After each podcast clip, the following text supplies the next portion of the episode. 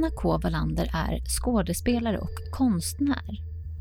Även om hon menar att hon under en stor del av sitt liv har sökt döden tycks det som om någon eller något istället givit henne flera liv. Efter en uppväxt fylld av övergrepp, gränslöshet och hot har hon lyckats frigöra sig och funnit styrkan genom kreativiteten. Vissa trauman sitter djupt, men Anna har valt en annan väg. Eller flera andra vägar. Det var när hon kom till insikt om sitt medberoende som hon kunde ta tag i problematiken och läka på riktigt. Istället för att leva i överanpassning och genom överlevnadsstrategier tillåter hon sina egna behov att få ta plats och omfamna sig själv och sin lekfullhet. Idag bejakar Anna lusten, livet och barnet inom sig. Allt genom sitt tillfrisknande från medberoende.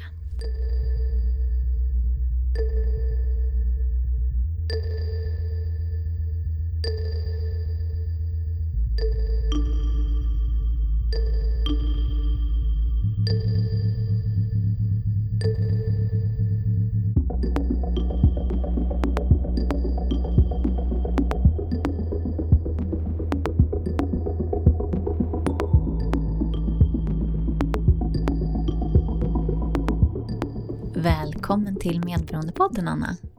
Tack, tack så mycket Ida. Jag är jätteglad att vara här. Hur eh, mår du idag? Bara lite scanna av så här. Eh, jag mår bra. Jag hade tid att meditera i morse. Och sen blev allting lite stressigt och så lite senare på dagen. Men det går ju bättre om man har en sån grund. Vill du börja med att berätta lite grann om dig själv och vad du gör och sådär? Mm. Jag är eh, konstnär, eh, skådespelare. Det är mitt yrke. Och så är jag konstutövare på alla möjliga sätt. Och jag tycker att det gör mig... Ja, jag förhåller mig på det sättet till mitt mm. varande. mm. ja. När du pratar om dig själv, liksom blir det att du identifierar dig väldigt mycket som de sakerna? Eh, jag tänker att du, när du pratar om liksom vad du gör och sådär. Men eh, känner du att du är konstnär, är skådespelare eller är det någonting du pysslar med? Eh, mm, jag, har, jag har nog känt att jag är det i alldeles för hög grad tidigare. Nu känner jag inte det. Men nu tycker jag att det blåser sådana vindar så att jag har ett behov av att säga att ja, jag är konstnär. Jag förhåller mig till världen på det sättet. Mm det är mitt varande. Mm. Det kanske alla är, men jag är det mm. i alla fall. Men när man pratar om är och sådär, skulle du säga att du identifierar dig som medberoende? Absolut, definitivt. På vilket sätt? Vad är, vad är medberoende för dig? Ah, för mig är det att ta ansvar för andras beteenden, för andras känslor, för andras välmående, för andras liv. Um, för andras sysselsättning, för andras lycka, för andras allting. Mm. Att vara fokuserad utanför sig själv. Att till varje pris hålla sig undan sig själv och sitt eget inre. Jag tänkte om vi liksom backar tillbaka bandet ordentligt. Mm. Eh, hur har din uppväxt sett ut? Vill du börja berätta lite om din barndom? och sådär? Ja, um, jag växte ju upp, jag är född 65 så jag växte upp då eh, på slutet av 60-talet, början av 70-talet. Det var mycket som hände då. min, mina föräldrar genomgick ju någon sorts frigörelse. De var pingstvänner i kristna från början. Ehm, jag har en bror som eh, jag älskar högt, som bara är ett år äldre än mig. Ehm, min mamma var också konstnär, lärare som blev konstnär. Och min pappa byt, han var ingenjör och guldsmed och allt möjligt. Bytte jobb hela tiden. Eh, vi flyttade ganska mycket. De var väldigt eh, rika på många sätt, min familj. Ehm, det fanns alltid väldigt många instrument. Det fanns ateljé, det fanns eh, väldigt mycket böcker alla möjliga städ och material och metall och allt möjligt. Byggmodeller och massor med sorter. Det fanns alltid material att läsa eller titta på eller göra. eller spela eller ja. Mm. Så det var en väldigt stor rikedom på det sättet. Mm. Sen var vår far som nu är död, frid över honom. Han var en jättekomplicerad person. Um, som jag kanske, ja, jag tror att ingen kände honom egentligen. Det är nog ingen som riktigt vet vem han var. Um, ja, ja, alltså, ja. Och um, jag har ju en övergreppshistorik då. Nu fjärmar, fjärmar, fjärmar jag mig lite grann. För att det, mm. det känns fortfarande känslomässigt eh, lite skamligt. Mm. Men i alla fall. Eh, det, fanns, det förekom övergrepp och det där uppfattade jag väl inte riktigt som övergrepp förrän jag var ganska mycket äldre. Var det från din pappas sida? Eller? Ja, och mm. från min farbror. Mm. Men, eh, men min farbror var ju bara, han är ju bara typ tio år äldre än mig. Så det, ja. Han var ju mera som en storebror kan man säga. Mm. Eller så. Det blir väl så att om man förlorar ett skydd någonstans så, så de som har sådana störningar, sådana sjukdomar som pedofili, då nosar de upp en. Eller de känner det. Att man inte har den normativa skyddet. Eh, och det där har i alla fall förföljt mig väldigt mycket. Att jag faktiskt inte riktigt vet var jag själv börjar och slutar. Som en konsekvens av det. Mm. Jag har gått väldigt mycket terapi och hållit på på olika sätt och sökt det där. Mm. Och har fått väldigt, väldigt bra hjälp ska jag säga också. Mm. Mm. Men eh, det det framförallt gör, som jag tänker nu. Nu är jag ju 53, 54 har jag väl fyllt. Jag kommer inte ihåg riktigt. Mm. ja. Men ja, det som det har gjort med mig, eller som det som jag har brottats med, som jag ser, som jag ser det nu, är ju just det att jag har svårt att veta vad är jag rent fysiskt också? Och vad är du? Mm. Vem, vem är jag och du? Um, också denna ständiga skam, att brottas med den. Att um, um, och det är ju, alltså han var ju så störd på, och så fantastisk. Jag älskade ju min far, det var inte det. Naturligtvis gjorde jag det. Han var väldigt rolig och påhittig och pedagogisk. Och eh, massa sådana positiva egenskaper. Och mycket begåvad. Och, men han var också livsfarlig för mig. Och jag tror för min bror och min mamma också. När, när det händer en sån där, såna där saker så blir man ju också livrädd någonstans. Det handlar om överlevnad hela tiden. Mm. Så att jag har nog levt större delen av min barndom mer eller mindre i en akut överlevnadsstrategi så att säga. Och min strategi, eller den var ju inte, absolut inte medveten men ja, jag ska gå in på det. Ja, men med andlighet och så, det var ju att jag kunde, om man ser på en nyfödd bebis så sitter den ju, så är de relativt hela. Och hel är ett ord som sitter ihop med helig mm. för övrigt. Ehm, de vet inte sin egen begränsning på ett positivt sätt. Jag har inte den där självkritiska. Och den där kanalen, kontakten med sin helhet. Eller sin helighet, eller Gud, vad vi nu ska kalla det. Ehm, stängde jag aldrig på grund av överlevnadsbehovet. Eh, det var, en, det var det som alltid följde mig. Och sen hade jag ju otroligt också mycket stöd av människor omkring mig som eh, min mamma när hon kunde eh, och min bror och även min mormor och morfar och farfar och sådär. Det fanns ju bra människor omkring och bra pedagoger och flera bra vänner också. Annars tror jag inte det hade gått så bra. Men var det någon som visste om det här då? Eh, nej, mm, det tror jag inte. Men jag hittade i min mormors bibel anteckningar där hon har skrivit ner saker jag har sagt som jag hade väldigt stor nytta av i min första väldigt långa terapi.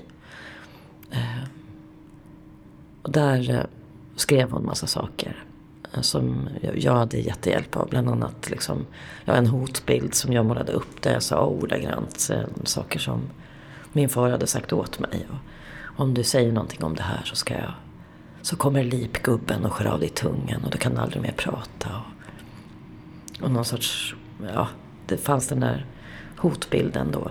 Och då var jag bara tre eller så.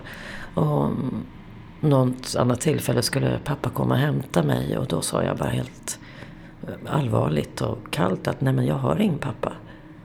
Jo men det har ju. Nej han är ju död, han är ju död, vet du inte det? Jaha, är han död? När dog han? Ja han dog i en flygolycka över Medelhavet. Mm. Uh, han kommer aldrig mer tillbaks. Uh, och sånt där var väldigt bra hjälp för mig.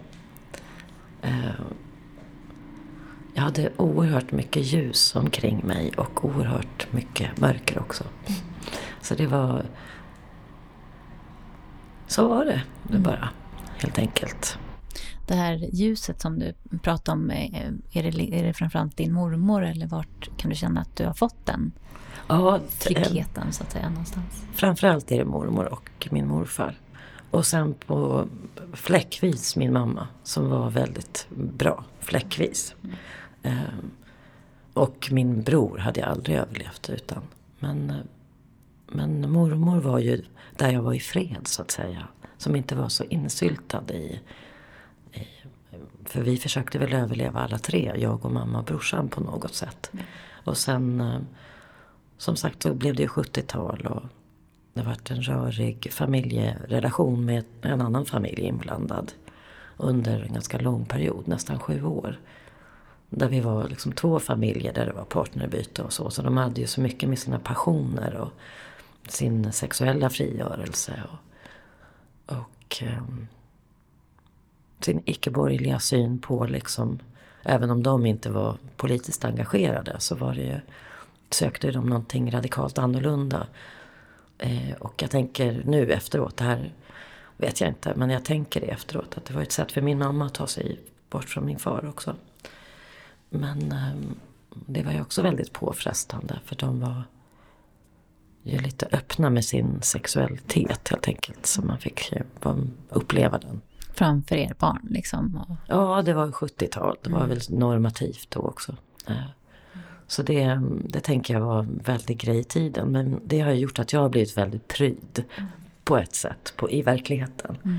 Jag kan ju tycka, jag är inte det när jag spelar eller när jag gör konstnärliga uttryck är jag inte alls pryd. Men om privat är jag det. Mm. På en badstrand eller så. Eller jag bastar inte liksom utan kläder. Eller, mm. Och inte i samkönad bastu. Jag har handdukar och är väldigt sådär. Mm. och det tror jag är resultat av detta fria. Liksom, och väldigt öppna mm. förhållandet till det där. Mm. I den här familjen, var det bara du som utsattes för liksom, övergrepp eller var, fanns det någon hotbild så att säga, mot din mamma? Eller så? Ja, det upplevde ju jag. Mm. Eller det upp, har jag upplevt väldigt mycket. Liksom. Det vet inte jag om hon har gjort, men jag har gjort det. Mm. Och jag har upplevt det mot min bror och mm. mot andra barn. Liksom. Det fanns en annan flicka där i familjen och en annan pojke. Han var ju eh, aldrig våldsam mot oss. Aldrig. Men det var ändå så. Det fanns, han var en människa som alla var rädda för, typ. Eller hade respekt för, eller hade fysisk respekt för, så att säga. Även alla andra män och så. Han var, vet inte, han var stor och han var vältränad. Han hade mycket vapen och ja, han var jättes, jättesmart. Och kunde allt, typ. Liksom. Så det, man fick vara klurig för att komma undan. Mm. Så att säga. Och hur fortsatte det här sen då? Hela den där saken tog ju liksom gradvis slut i och med att jag fick eh, menstruation helt enkelt. Men då tog den ju en annan form. Han skulle alltid titta när man skulle byta om eller så.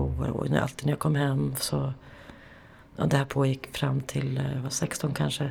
Alltid när jag kom hem, när vi bodde hos honom, så skulle jag alltid gå in och kramas med honom, hur sent den var. Liksom. Och han tyckte inte om att jag låste toalettdörren. Jag minns en gång att jag låste toalettdörren. Och han blev jätteförtvivlad och arg över det. För han ville väl... Jag vet inte.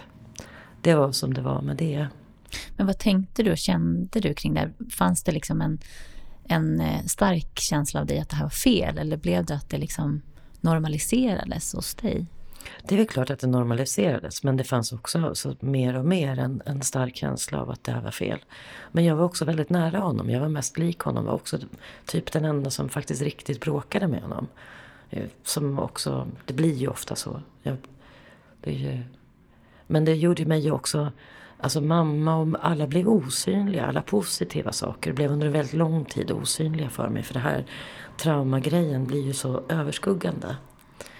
Eh, den handlar ju ja, just om överlevnaden. Så hur blev det då när du kom upp i tonåren? Nu nämnde du det mm. lite grann, men liksom hur, hur var du utåt, utanför hemmet och, och så vidare, med relationer? Och... Jag hade väldigt mycket relationer hela mm. tiden. Mm. Jag har alltid haft det. Det hade jag nog haft med eller utan den här situationen, så det tror jag inte beror på det. Jag, jag har vad man skulle kalla kartycke då. Mm. Mina gamla mostrar och så. Sådana term som man sa förr i världen. Men eh, det var också en väg ut. Eh, bort. Vilket jag, jag visste som mycket liten. Jag kommer inte vara kvar i Västerås. Jag, här kan jag inte vara. Det gällde, man skulle liksom sitta av tiden och göra det bästa av den. Sen drar man så fort jag kan. Så det visste jag någonstans. Att jag skulle... Jag pendlade väldigt mycket, tror jag. Vi var ju också samtidigt... Jag var stabil, jag var duktig i skolan. Eh, fladdrig när jag var, började med killar och uteliv och så. Men annars var jag inte det. Men jag skolkade. En period så skolkade jag jättemycket. Eh, jag bytte stilar, jag bytte kamratskapskretsar. Jag bytte liksom höll på, träffade väldigt många destruktiva personer. Och det var de enda jag kände hade någon sorts förståelse för mig och en empati. Och också en levnadssmarthet som jag upplevde att väldigt många inte hade. Men så var jag också kristen. Under, alltså jag höll på och pendlade mellan alla, alla de här sakerna. Och jag hade en väldigt fin kristen vän som hjälpte mig i en supersvår situation. Um, men jag blev ju då gravid när jag var 13 år och um, det var ju hemskt såklart. Uh, och jag gick till skolsyster och skulle få göra abort. Och jag gick till abortkliniken och skulle då hamna hos en kurator. Där hon pressade mig oerhört hårt om Förstår du vad du gör? Och vet du vad du gör? Och jag, jag var ju helt mosad. Jag var 13 år. Mm. Ja, det var ju inte så himla kul, helt enkelt. Då trodde jag att jag skulle ta livet av mig. Men eh, Det gjorde jag inte.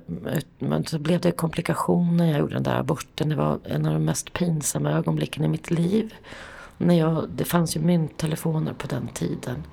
Och eh, jag skulle gå och ringa till min, eh, min kristna kompis Lotta som tog hand om mig då.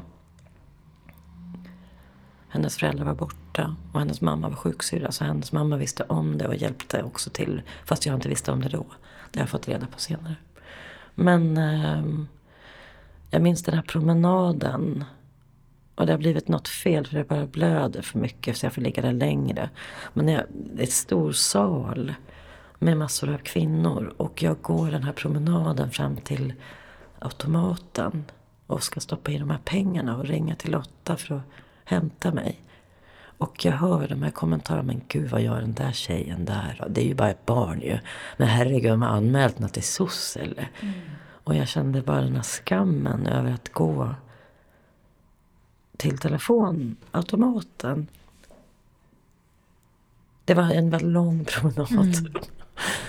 Mm. uh, I alla fall så kom Lotta och dem och jag vet inte, jag minns inte om hennes mamma var med då eller inte. Men Lotta kom hem till mig i alla fall. Eller om jag åkte taxi dit, jag minns inte det riktigt. Men jag bodde hos henne i alla fall någon vecka. Mm.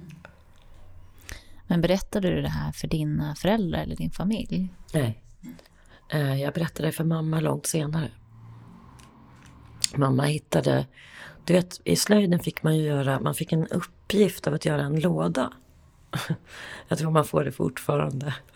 Man fick göra en låda och som jag, man satte ett lås på att man skulle ha hemlisar.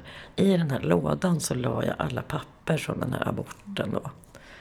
Eh, och så um, skulle vi flytta.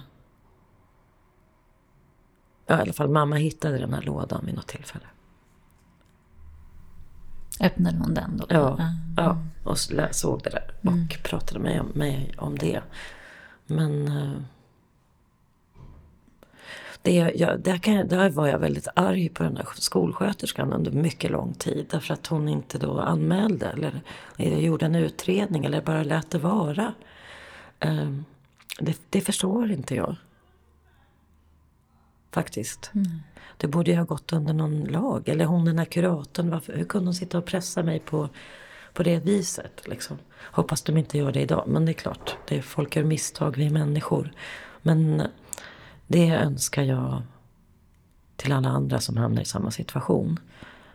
Eh, att de inte behöver sitta där och klä skott för, för det. Mm. Men är det här någonting, jag tänkte du sa också att du var duktig i, i skolan, att du mm. skötte dig och sådär. Mm. Så kan du känna att det här var någonting som, alltså ett sätt du bemöttes, alltså jag tänker det här med att ingen riktigt tog det på allvar. Ja. Eh, var det någonting som du kände från skolan överlag? Eller var det egentligen bara den här situationen? Eller? Det var nog bara den här situationen, jag vet inte. Men sen hade jag också en jättebra fröken. För året därpå var jag nästan inte någonting i skolan då.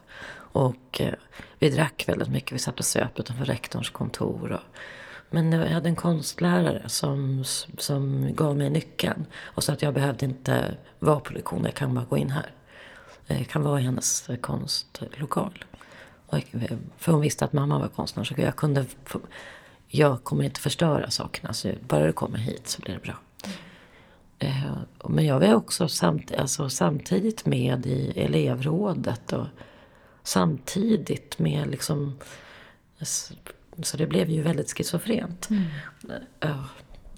Men sen så vart det bättre i årskurs nio när jag skulle då till gymnasiet sen. Och, Ja, då, då, jag hade jättebra engelska och svenska. Jag hade många bra lärare. Det hade jag. Mm. Som var jättefina. Och jättemånga fina vänner. Men den här längtan eller drivkraften att ta dig därifrån. Mm. Eh, vad gjorde du med den? Flyttade du därifrån mm. sen? När, när Precis. gick det till? Ja, sen började jag på gymnasiet på humanistisk klassisk variant. Då läste man lite latin också. Ja, och sen, sen sökte jag stipendium eh, till USA och fick det. Eh, med, med, min gamla svensk och engelska lärares hjälp. Och han var så fin. Han skrev ett så fint eh, Natt och dag. Kurt Natt och dag. Han var oerhört fin. Och väldigt okladdig. Väl, en, en, bra vuxen. Mm. Eh, och när jag bad honom då skriva ett intyg.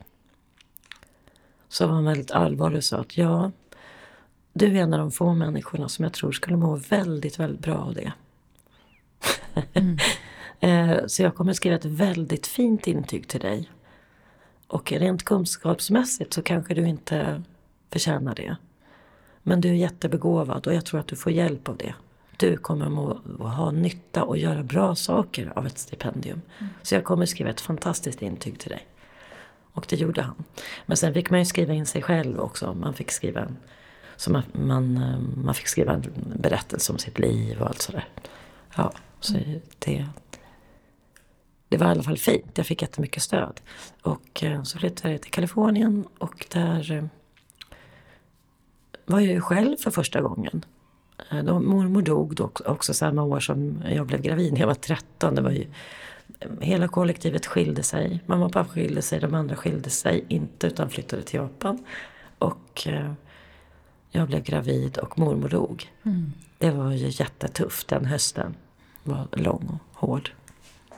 Men eh, eh, så flyttade jag till USA och det var första gången själv och det var jättelyxigt. Det var Kalifornien och eh, i USA är de ju väldigt bra på att eh, tala om det man är bra på. Det finns stipendium för allting. Mm. Och så fort man kan någonting så är det bara yeah, go for it. Så, så jag hade ju jättekul. För att det var ingen som dömde mig jag behövde inte passa in i familjen heller och inte i Västerås och inte i någon norm. Så jag hade jättekul där. Men innan jag åkte till USA, när jag redan visste att jag skulle, så var jag med om en motorcykelolycka. Och så, jag var bågebrud också. Jag höll på jättemycket med bågar och moppar och mecka och körde och åkte. Och var med i FMCK, frivilliga motorcykelkåren och det. Jag, var, jag gjorde typ allting. Mm. Ja, som jag fortfarande gör ungefär. Men då gör det, mycket mer. Men i alla fall så var jag med, jag smällde eh, oljepluggen, eh, vreds ur. Och den sitter ju mitt under motorn så det vart som oh, snor på bakdäcket så vi smällde. Och då hade jag en sån här nära döden upplevelse. Ja, jag smällde med bågen och jag upplevde att jag blev helt hoptryckt av en hetta och ett tryck. Och eh, sen hände en väldigt specifik, lång process. Um,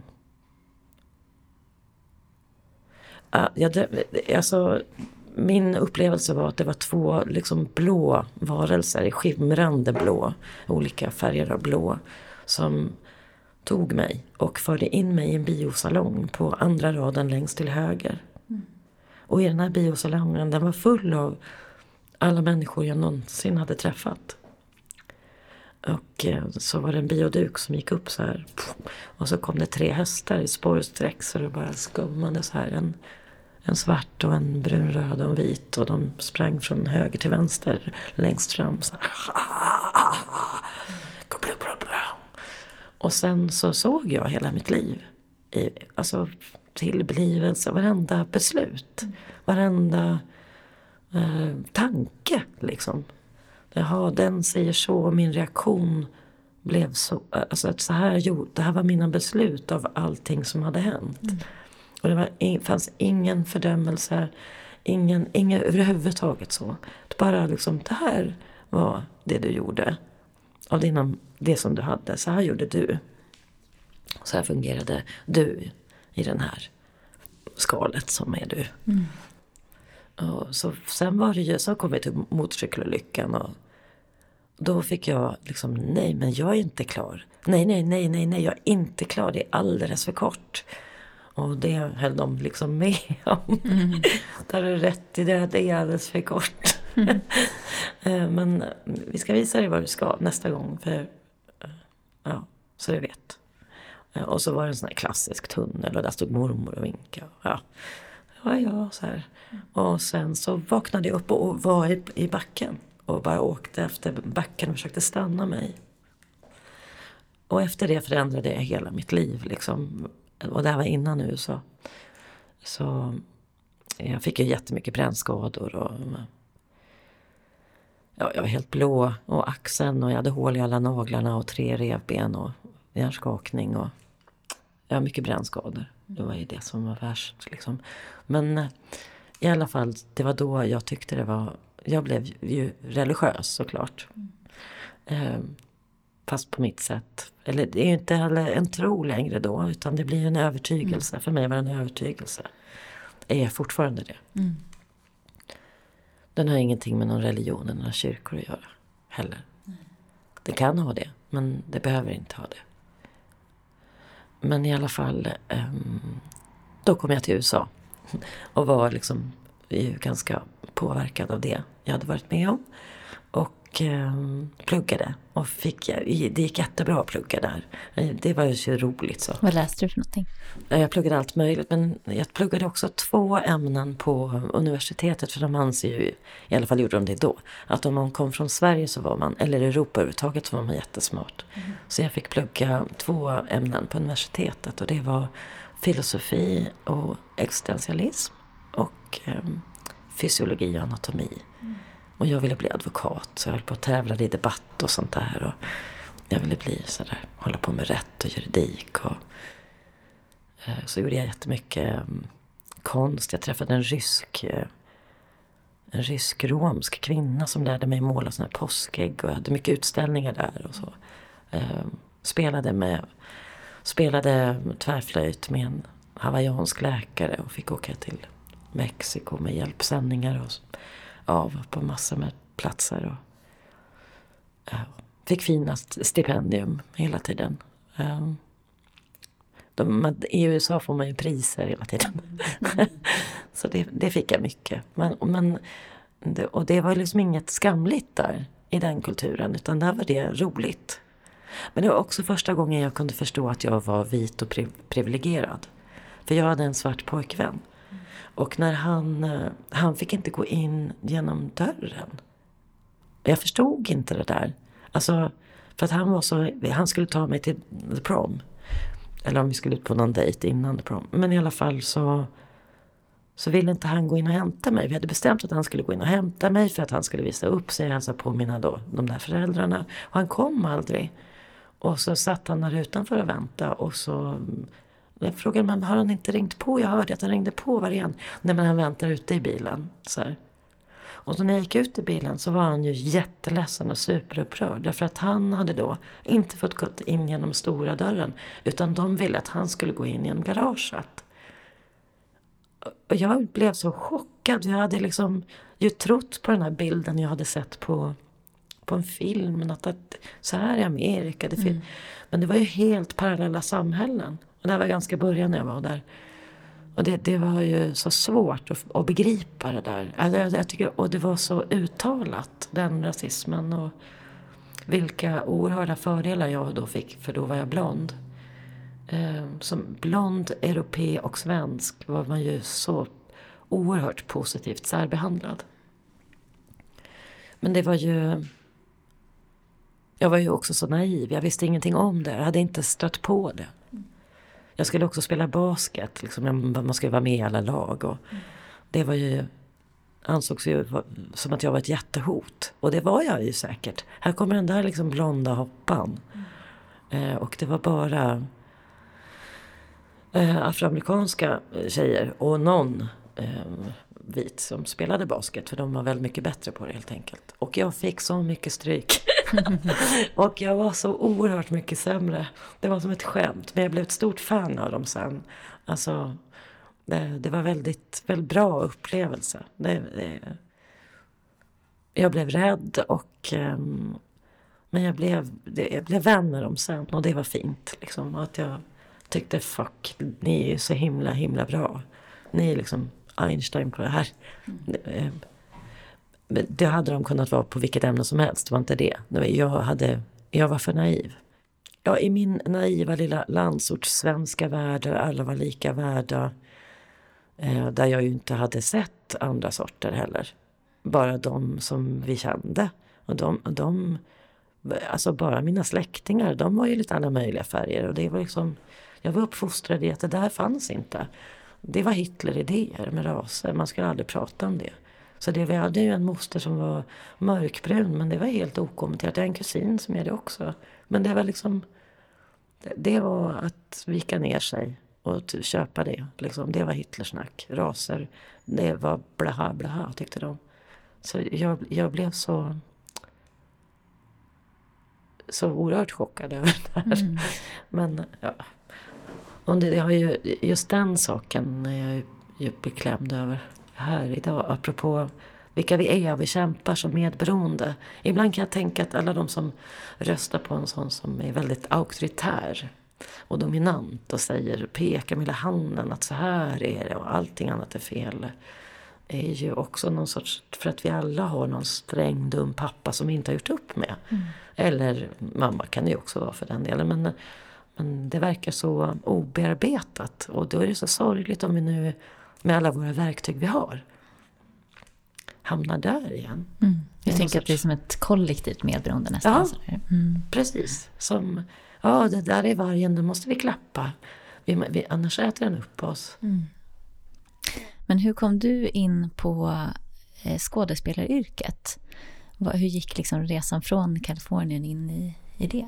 Ja, där var jag jättemycket på auditions. Mm. Och det var ju kul också. Um, och jag fick massa jobb, men jag fick ju inte jobba för jag hade inget sånt visum. Jag hade ju studentvisum och var bara 16 år. Så det. Men det var ju kul, jag fick jättemycket uppmuntran och sådär. Det var jätte, jätteroligt. Mm. Och sen... Um, sen så fick jag ett jobb på en teater när jag kom hem. Därför att en kollega, Ia Langhammer, som jag sen filmade med, som har blivit en nära vän, lämnade den teatern och flyttade till Stockholm. Hon är ju några år äldre än mig. Så jag tog, hon flyttade till Stockholm och då fanns det en plats ledig på den här teatern eh, som hette Mälarteatern. Och där jobbade jag och så hade jag en jättebra teaterlärare i gymnasiet som hette Ingeda Skan som var en eldslåga. Så jag, jag kände mig så sedd av henne och hemma och hon hade så konstnärlig hög nivå. Och ja, jag kände att här fick all, alla mina de här såren och knasigheterna och tillkortakommandena var tillgångar. Mm. Och kanske också att liksom borra i vad är det jag känner, vad är jag var med om, vad är det med den här människans problem, jag förstår det inte. Vad, vad, hur ska jag hitta ut och samtidigt intellektuell stimulans och samtidigt kollektiv med flera. Och det var på som, jag, jag älskar teater och mm. scenkonst och film och det för att det är så utmanande. Mm. Eh, på så många sätt. Så det är, det är sällan tråkigt. Mm. Även när det är in, inte är så utmanande så är det inte så tråkigt för du har så många variabler och komponenter. Och det är livepublik och det är alla, alla sorts yrkesgrupper och alla åldrar. Och, ja. Mm. För du sa då att du flyttade hem och du fann teatern ja. och, och så. Eh, vad hände sen? Vad, hur blev resan därifrån så att säga? Alltså, sen blev jag helt, helt fokuserad på bara det. Mm. Och äh, var ju Ja, då var jag ju ganska liksom wow på livet ut. Jag hade ju överlevt den där smällen. Jag hade fått så mycket vägen ut var möjlig och väldigt trolig. Och eh, var liksom ut med dig, för där gick det mycket bättre. För mig var det lättare att vara i andra länder, verkade det som. Eller i Stockholm. Eller, det, var liksom, det passade mig bättre. Jag kunde andas eh, Jag i alla fall jag fick jobb på den där teatern. Jag jobbade med Ingegärd på Studentteatern. Hette hon Rubikianska studentteatern, Ja, på Rubik i alla fall. Eh, gymnasiet. Eh, gjorde jättelånga uppsättningar. ja. Och sen jobbade jag på Mälarteatern. Eh, och där spelade vi så 200 och allting. För man spelade längre säsonger då. 200 Molière, 200 Strindberg, 200 Molière, 200 Strindberg. Sådär. Ja. Ehm, så det, det höll jag på med och ägnade mig typ all min vakna tid åt och tog lektioner och ja. Och så Eh, mamma fick något stipendium och flyttade till Paris. Hon var grafiker och fick ett fint grafikstipendium där på en, en studio där. Så jag bodde där med henne och det var jättekul. Jag älskade Paris. Jag spelade med ett band där och blev jättekär i han som spelade slagverk. Och, ja. Jag bodde i Paris där några år. Jag flyttade fram och tillbaka, fram och tillbaka. Spelade och gick på gymnasiet och tänkte av allt jag kunde. Sen åkte till Paris och ja, fram och tillbaka, fram och tillbaka sådär. Och sen eh, så höll jag på i kanske tre år fram och tillbaka sådär. Och sen så mm, träffade jag en annan kille.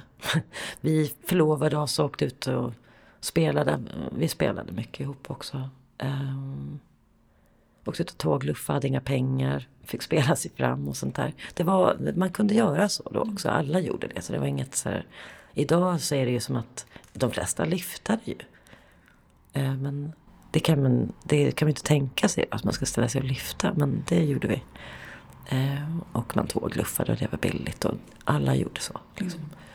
Mm. Eh, sen flyttade jag till Stockholm och eh, här träffade jag någon filmare redan första veckan. Gjorde faktiskt en roadmovie med Leif André som inte heller var känd då. Vad hette den sa du? Eh, alltså med Leif André, skådespelaren. Han och jag gjorde en roadmovie med en kille som heter Jonas Jag har aldrig sett den, jag har ingen aning. Den gick väl bra, den fick något pris någonstans. Men jag, jag, har, jag har aldrig sett den, det kanske Leif har, jag vet inte. Jag, vet inte, jag har ingen aning om, om den ens var tittbar. Men, ja. Uh, I alla fall Ja, så, så fortsatte det och ja, jag jobbade på och spelade och jobbade och ja, gick olika kurser, gick olika utbildningar, var med i olika grupper. Hade egna grupper. Eh, blev gravid. Fick ett barn. Eh, Agnes. Och vem var pappan? Pappan hette Jakob. Eh, och vi hade bara varit ihop i en, en och en halv månad. Vi var båda 21. Ehm, eh, han började missbruka, han var nattkock eh, och försvann.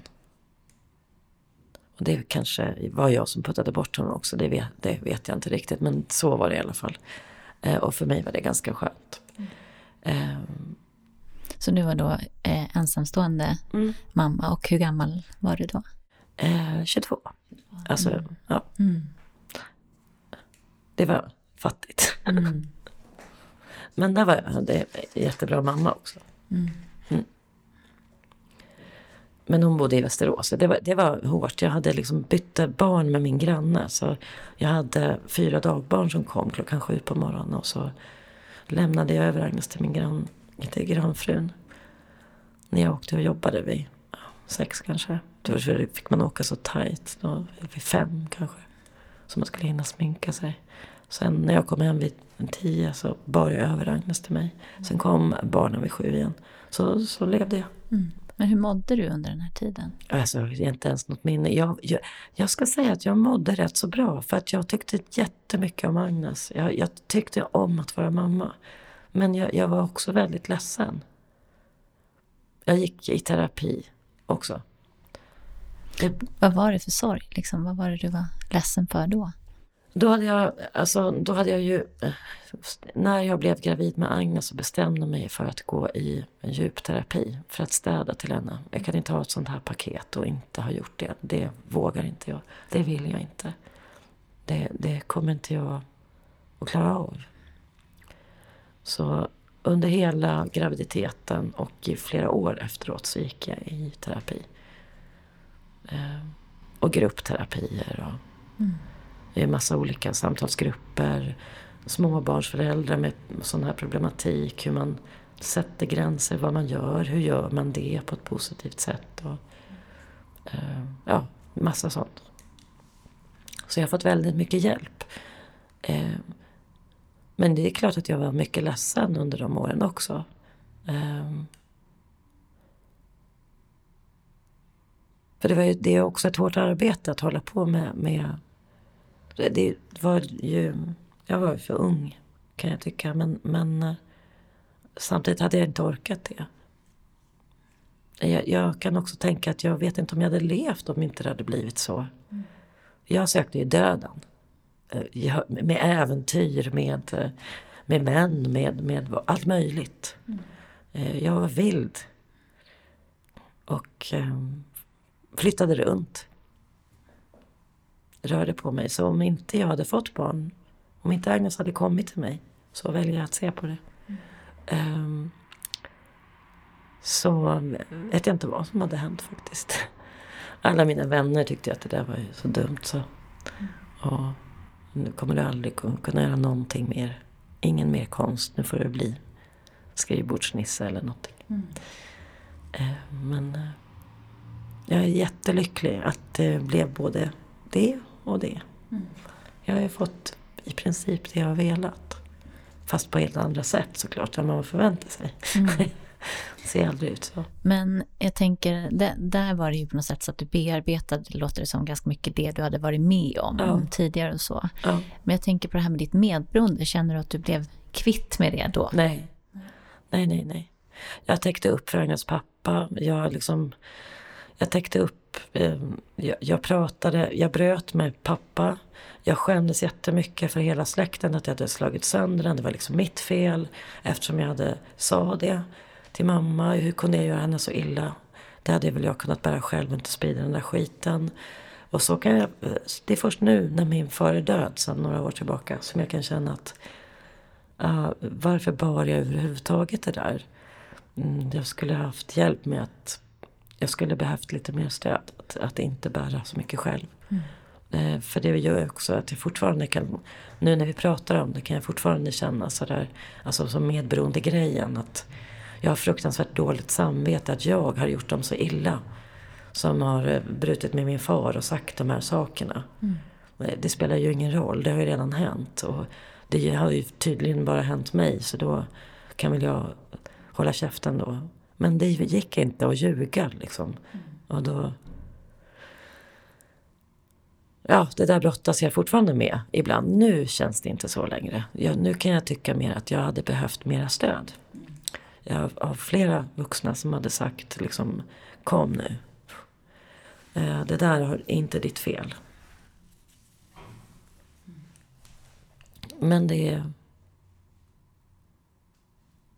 Så var det inte. Eh, och det, det är ju en lärdom som, som är rätt hård också. Att har man för stora smärtor och för stora sår så att säga, eller trauman så, så blir du väldigt ensam för det mesta. Dels för att du blir ensam för det är inte så många som har den upplevelsen. Eller inte öppet i alla fall. Mm. Eh, och eh, står du dessutom där i världen och säger att så här är det. Så orkar inte folk med det för det är för depressivt. Folk svimmar och dör. Och, det, och då har jag också känt mig som en pest här i världen. vad ska jag göra om denna, med denna pestsmitta av elände och sorg? Mm. Men eh, nu känner jag inte så. För att jag känner mig glad och har det här i behåll. Um, och det är inget försvar för det. Liksom. Men, men eh, fortfarande är jag lite instabil i det här att liksom, varför sa jag något? Eller liksom, ska jag säga det här nu? Ska jag sprida ut det här nu ens? Mm. Är det bra? Vad ska jag prata om det för? Jag vill prata om fantastiska andra idékonstruktioner eller någonting. Mm. ja. Men när skulle du säga att du kapitulerade inför ditt medberoende egentligen? Ja, det var ju ganska nyligen. Um, det var ganska nyligen. I mitt liv i alla fall. Det, det var väl 2013 tror jag. Mm. Uh, jag hade ju börjat, därför att jag levde ihop med en man också ska jag säga. Jag vill inte gå in på det så mycket. Jag hoppar gärna det. Mm. Men eh, eh, det visade sig att han hade ett dolt, dolt ett, ett dubbelliv med en väldigt, väldigt svart och kriminell sida som jag mm. inte hade sett och inte vetat om. Eller ingen av oss. En väldigt fin person och bra person med, med en dold sida. Och eh, när jag kom ut ur den relationen så började jag söka med Alanon och då började jag söka olika tolvstegsgrupper för medberoende. Eh, och då, ja, eh, det började 2009 med egentligen. Mm. Eh, för då gick jag också så där jätte, jättemycket i terapi igen. Fem dagar i veckan. Men då hade ju också Agnes flyttat hemifrån. Och, eh, jag var ensam på ett annat sätt. Och jag flyttade till Göteborg för att byta stad. Och jag bodde där i några år. Och, hade en ganska stor hotbild under en period. Men det, det spelar inte heller så stor roll. Den fanns ju inuti mig också. Men ehm, då gick jag i terapi och sökte tolvstegsprogram för medberoende. Därför att jag tyckte då att hur kunde jag liksom... Hur kunde jag ha levt på det här sättet? Hur kunde jag inte ha fattat det? Det, måste, det här fattas det en bit hos mig. Mm. Som är fruktansvärt jobbig att se. Eh, så jag måste titta på det från ett annat håll som hjälper mig. Mm. Eh, på något, något sätt måste jag hitta ut ur den här snårskogen av vad är jag här? Liksom. Mm. Vad är viet som är på riktigt och vad är det igen? Var börjar jag och slutar jag? Vad är mitt ansvar? Är det mitt ansvar att liksom, ska jag döda alla som inte passar in? Det kan jag ju inte göra. Ska jag, eh, ska jag bli eh, antivåldsaktivist i nära relationer? Eller vad ska jag, hur ska jag göra? Mm. Vad ska jag ta vägen med detta? Och jag bara låg ner under väldigt lång tid och ritade mönster och jobbade. Eh, också alltid haft jättebra vänner som har räddat mig. Jag är så tacksam för det. Mm. Eh.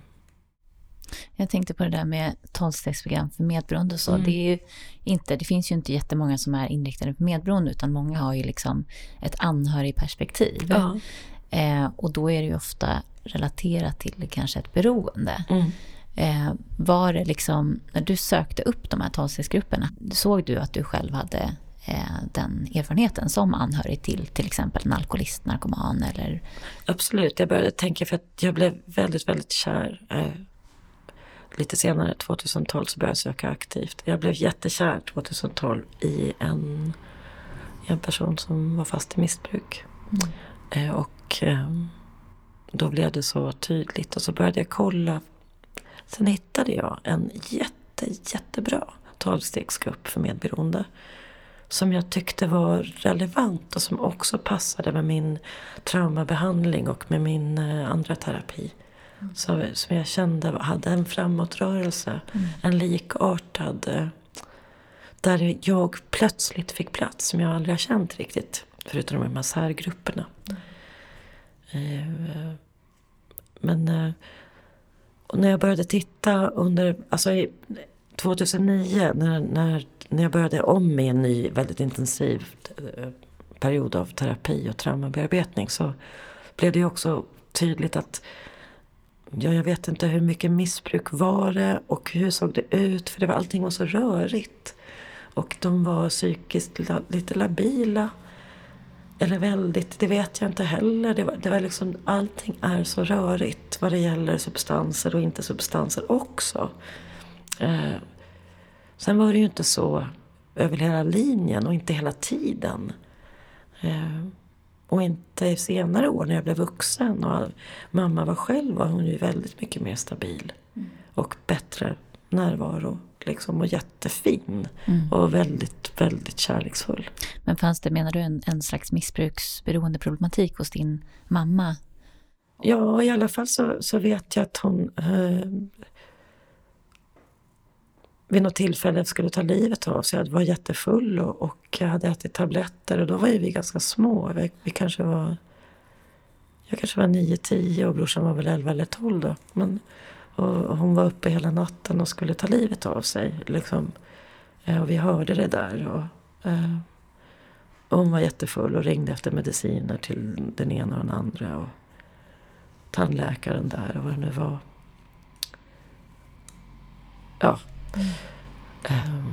För det jag tänker är ju att, alltså när jag lyssnar på dig Ja. så är det ju eh, bara att du inte, det är inte det första du nämner. Alltså jag Mm. tänker med den missbruksdelen och Mm. även då med den här partnern som du träffar. Eh, men ändå så känns det som att du har varit relaterat så mycket till att vara medberoende ändå. ja. Eh, och jag tänker att det finns ju en del som menar att medberoende är någonting som uppstår när du är, lever tillsammans med en missbrukare till Ja. exempel. ja. Eh, hur ser du på det, liksom med dina erfarenheter? Eh, nej, alltså jag tänker att uh, medberoende blev ju vi alla. För det första till min far som hade psykopatiska drag. Och då gäller det, är det någon som är sjuk så att säga, så måste vi alla tassa runt den. Då uppstår ett väldigt kraftfullt medberoende.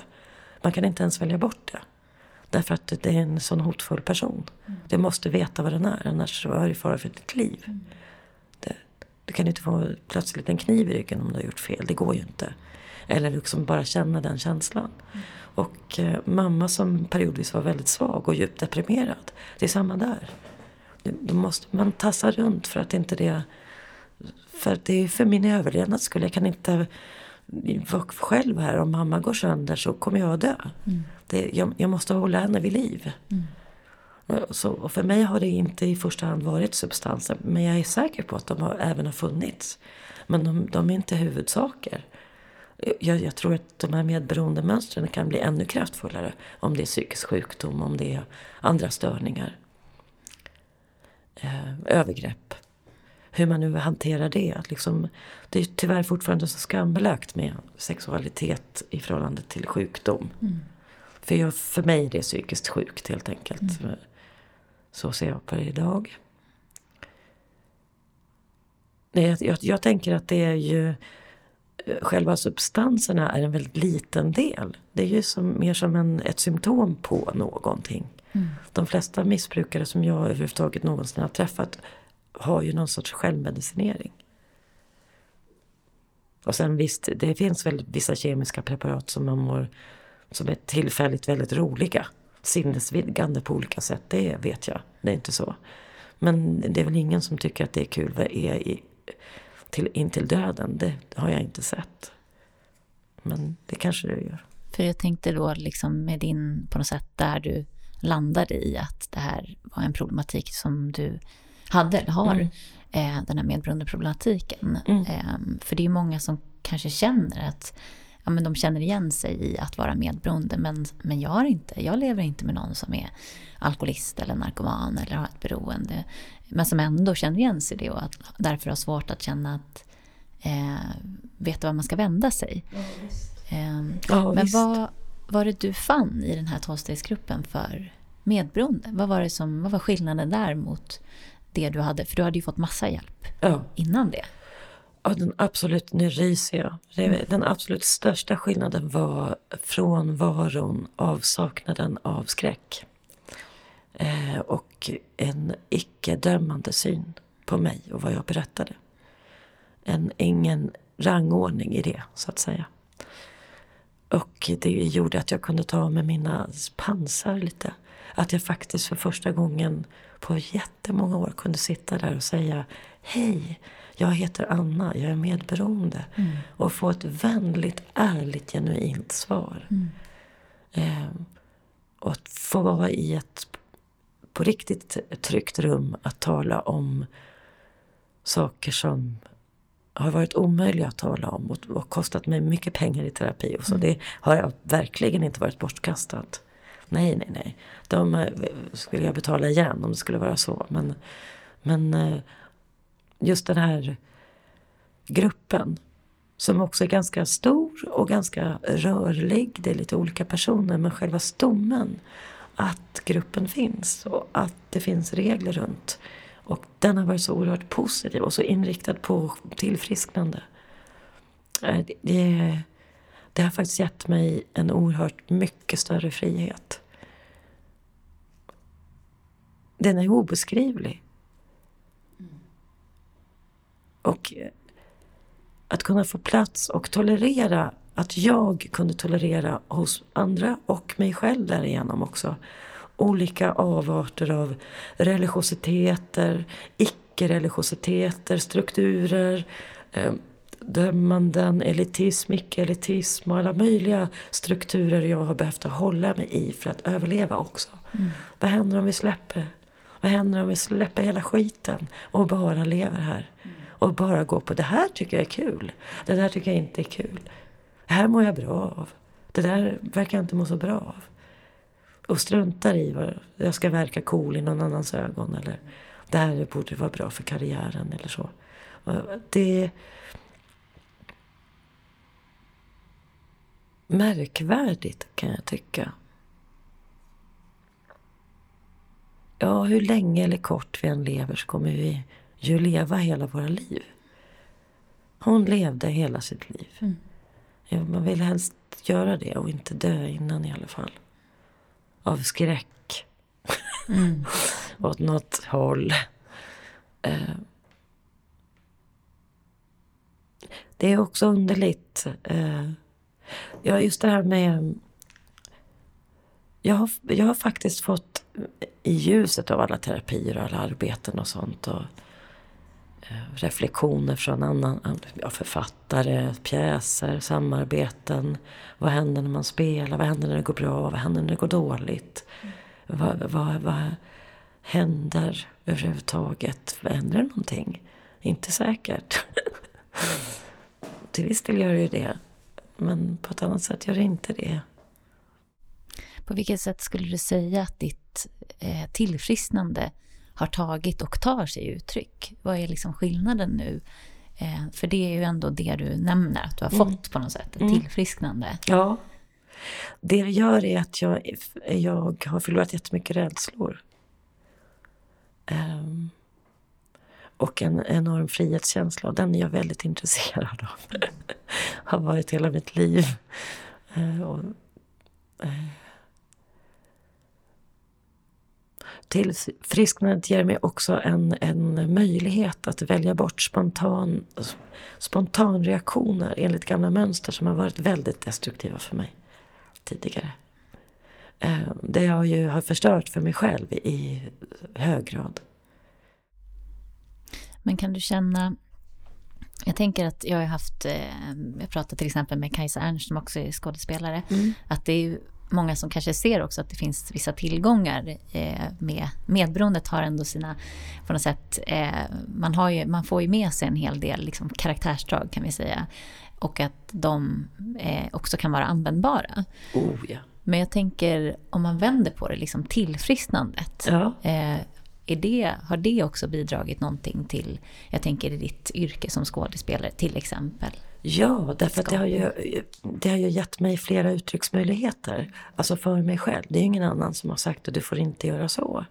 Men eh, vi är ju så rädda att sticka ut från en norm. Även om jag då skulle kallas för avantgarde så är vi ändå rädda för att sticka ut från en norm för att då vet vi att då blir vi arbetslösa eller då, eh, då är vi för konstiga. Eller det man egentligen kanske är rädd för, det jag är rädd för, det är att konsten inte ska kommunicera.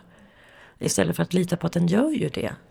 Det är, en, det är en till sak som är tillfrisknande. Det om jag känner så här, om jag har den här erfarenheten så är det säkert någon annan som har det. Det är, det är säkert någonstans så att någon förstår mig. För innan har jag levt i en modell som är eh, som är, jag måste se till att jag, jag måste se till att min överlevnad liksom är säkrad. Men jag måste se till på alla möjliga sätt att, att min plats här är jag är behövd, mm. jag är speglande, jag är till lags, jag, jag fyller i en spot och jag är avantgarde om det behövs, jag är smooth om det behövs, jag är arg om det behövs. Istället bara vara det här kommer ut nu, mm. det är okej. Okay. Det låter som att du inte kanske är lika fokus på mottagaren på något sätt. Exakt. Om jag uppfattar det du, du säger rätt. Mm. Att det finns mer en, en kärna kanske i det som är du. Ja. Så, om jag, är det lite så? Ja, absolut. Och det blir ju också så intressant när, det, när jag kan känna det jag känner. Då ser jag ju andra mycket tydligare och inte bara mina mina monster och fördomar. Det, mm. Jag tycker att det blir lättare att se andra. Har du gjort också att du har valt eh, på, den, liksom, på den månen du har möjlighet att välja, men att du har valt andra roller eller intresserat dig för andra eh, uppsättningar eller filmer eller tv-serier eller vad det skulle kunna vara? Ja, och det här, det här sitter ju också ihop med metoo och allt möjligt, mm. där man också lämnar ett sorts medberoende. Mm. När man säger nej till ett övergrepp, en övergreppsstruktur, så har man ju också försökt att lämna en, en eh, ett medberoende mm. till den, den böden så att mm. säga. Man säger att nej men jag tillåter, jag är inte ett offer. Jag lämnar offerplatsen nu. Mm. Och det vet vi ju är farligt. Titta vad, vilket högt pris Sara Danius fick betala. Och det är vi ju jättemånga som har fått råkat ut för likartade saker även om vi inte är briljanta som hon. Vi, vi, hon är ju på intet sätt ensam men det är ju också jättebra att veta det. Det är ändå värt det för sin inre resnings skull. Att lära sig vem man ändå är. Att stå pall för det då. Och det, det här gillar jag. Jag skiter i. Äh, ja, ja, nu kommer det här att hända. Mm. Och nu upplever jag också att det är så mycket mycket spel i världen just nu som går ut på rädslor. Mm. Eh, och att, att gömma sig. Att inte visa. Eh, gömma sig för nu blir det hårt. Gömma sig, säg inte vad du tycker, säg inte vad, vad du vill. Och då känner jag ett jättestort behov att ja, jag är privilegierad. Jag, jag är inte jätteung jag måste säga att jag är, kon jag är konstnär med ett stort K då. Mm. För nu får inte vi finnas riktigt i en upplevelse. Mm. Utan det ska vara nyttoaspekten av konsten så att säga. Och den ska vara spegla bygden och ja, vad det nu betyder det där. Censuren helt enkelt. Och då, då blir det ju, är det ju väldigt, väldigt bra att vara i tillfrisknandet. Att jag ändå, då går det hand i hand mm. med någon sorts uppgift ändå. Ja, för det här är ju, alltså metoo och tystnadtagning eh, det har ju också då skett Ja. i din, när du har varit i tillfrisknande på något sätt. Ja, visst. Och Absolut. Såklart också låter som en... Eh, jag uppfattar det som nästan som en, ett till, kollektivt tillfrisknande om vi pratar om kollektivt medberoende. Att det Ja. finns ett, en eh, tillfrisknande resa även i det större. Ja, precis. Så. Eh, men jag tänker, om man nu liksom summerar, vi, du har verkligen berättat en, en eh, stark eh, re- resa liksom, och som ändå känns hoppfull. Eh, om någon känner igen sig liksom, i vare sig det är specifika händelser eller liksom känslor eller beteenden eller vad det kan vara. Vad, vad, liksom, vad har du för råd? Vad ska man göra? Hang in there. Sök. Be. Meditera. Sök hjälp. Ta hjälp. Säg, sök hjälp. Be om hjälp. Be, be dina vänner om hjälp. Sök där det finns en möjlighet. Leta efter hjälp. Ta dig därifrån. Ta dig, ta dig ut. Byt situation. Byt plats. Bara gå ut en promenad. Titta på någonting annat. Försök inte göra så långt fram eller så långt bak. Det spelar ingen roll. Det är nu det är. Det är väl de råden man skulle kunna säga. Om du eh, liksom idag hade möjligheten att på något sätt gå tillbaka till eh, den Anna du var som barn. Vad skulle du på något sätt vilja säga till, till det barnet? Liksom? Finns det någonting, jag tänker med den kunskap och det du har idag.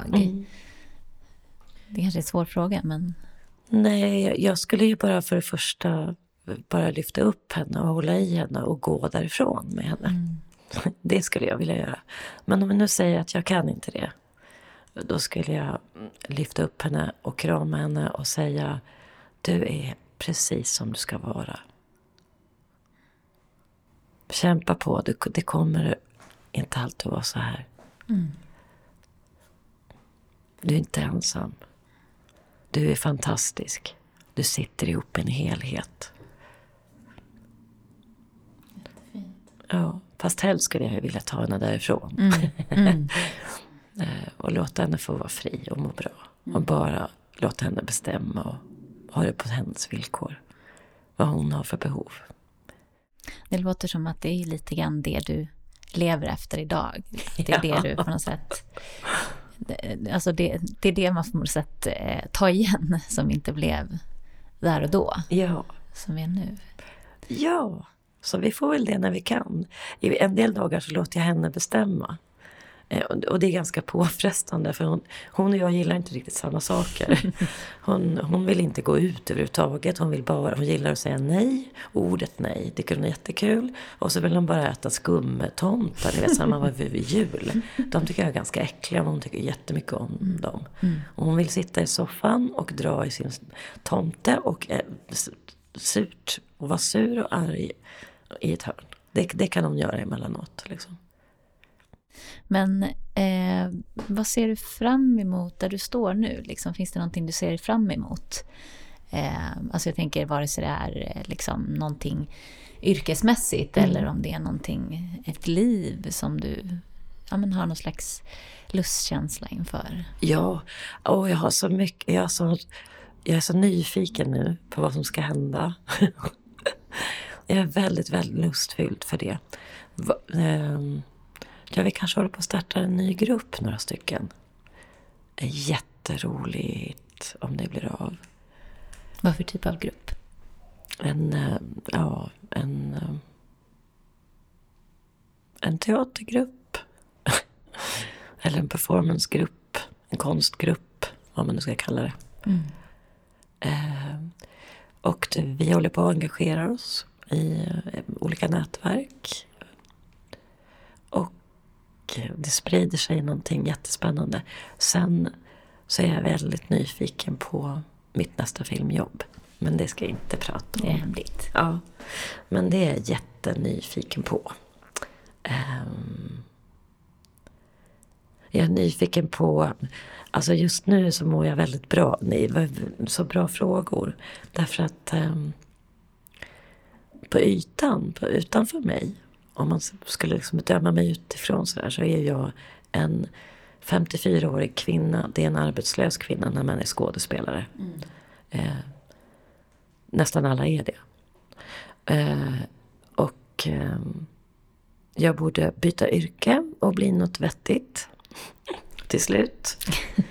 Men eh, det, eh, så, så känner inte jag överhuvudtaget.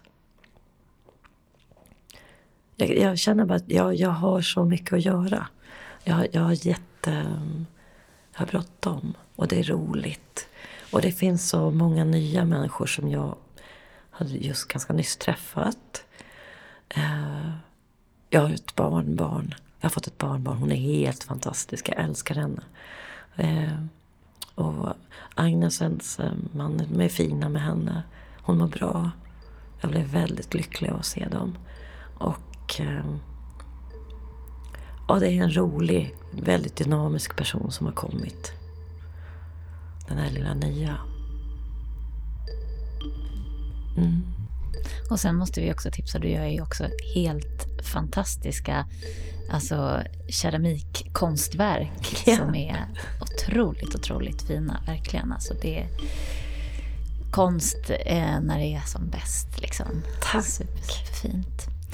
Ja, jag vill tacka dig Anna för att du ville vara med i Medberoendepodden och eh, det har varit så fint att höra din resa som, som är väldigt stark men också väldigt hoppfull ändå. Ja, tack så mycket Ida. Det är väldigt fint att se dig. Tack detsamma. Mm. Tack så mycket. Ja, okej. Okay. Hej då. Det här avsnittet är inspelat före Sara Danius bortgång men påminner oss om hennes storhet. Vila i frid, Sara.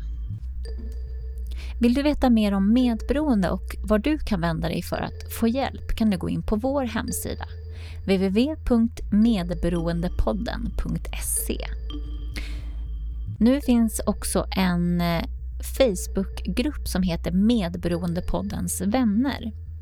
Där kan du socialisera och interagera med andra som är i liknande situation. Och glöm inte att följa oss i sociala medier där vi heter Medberoendepodden. Och nu under sommaren så har Medberoendepoddens live sessions dragit igång. Och det är alltså livesändningar på Instagram där jag samtalar med olika gäster. Så in och följ oss på Instagram.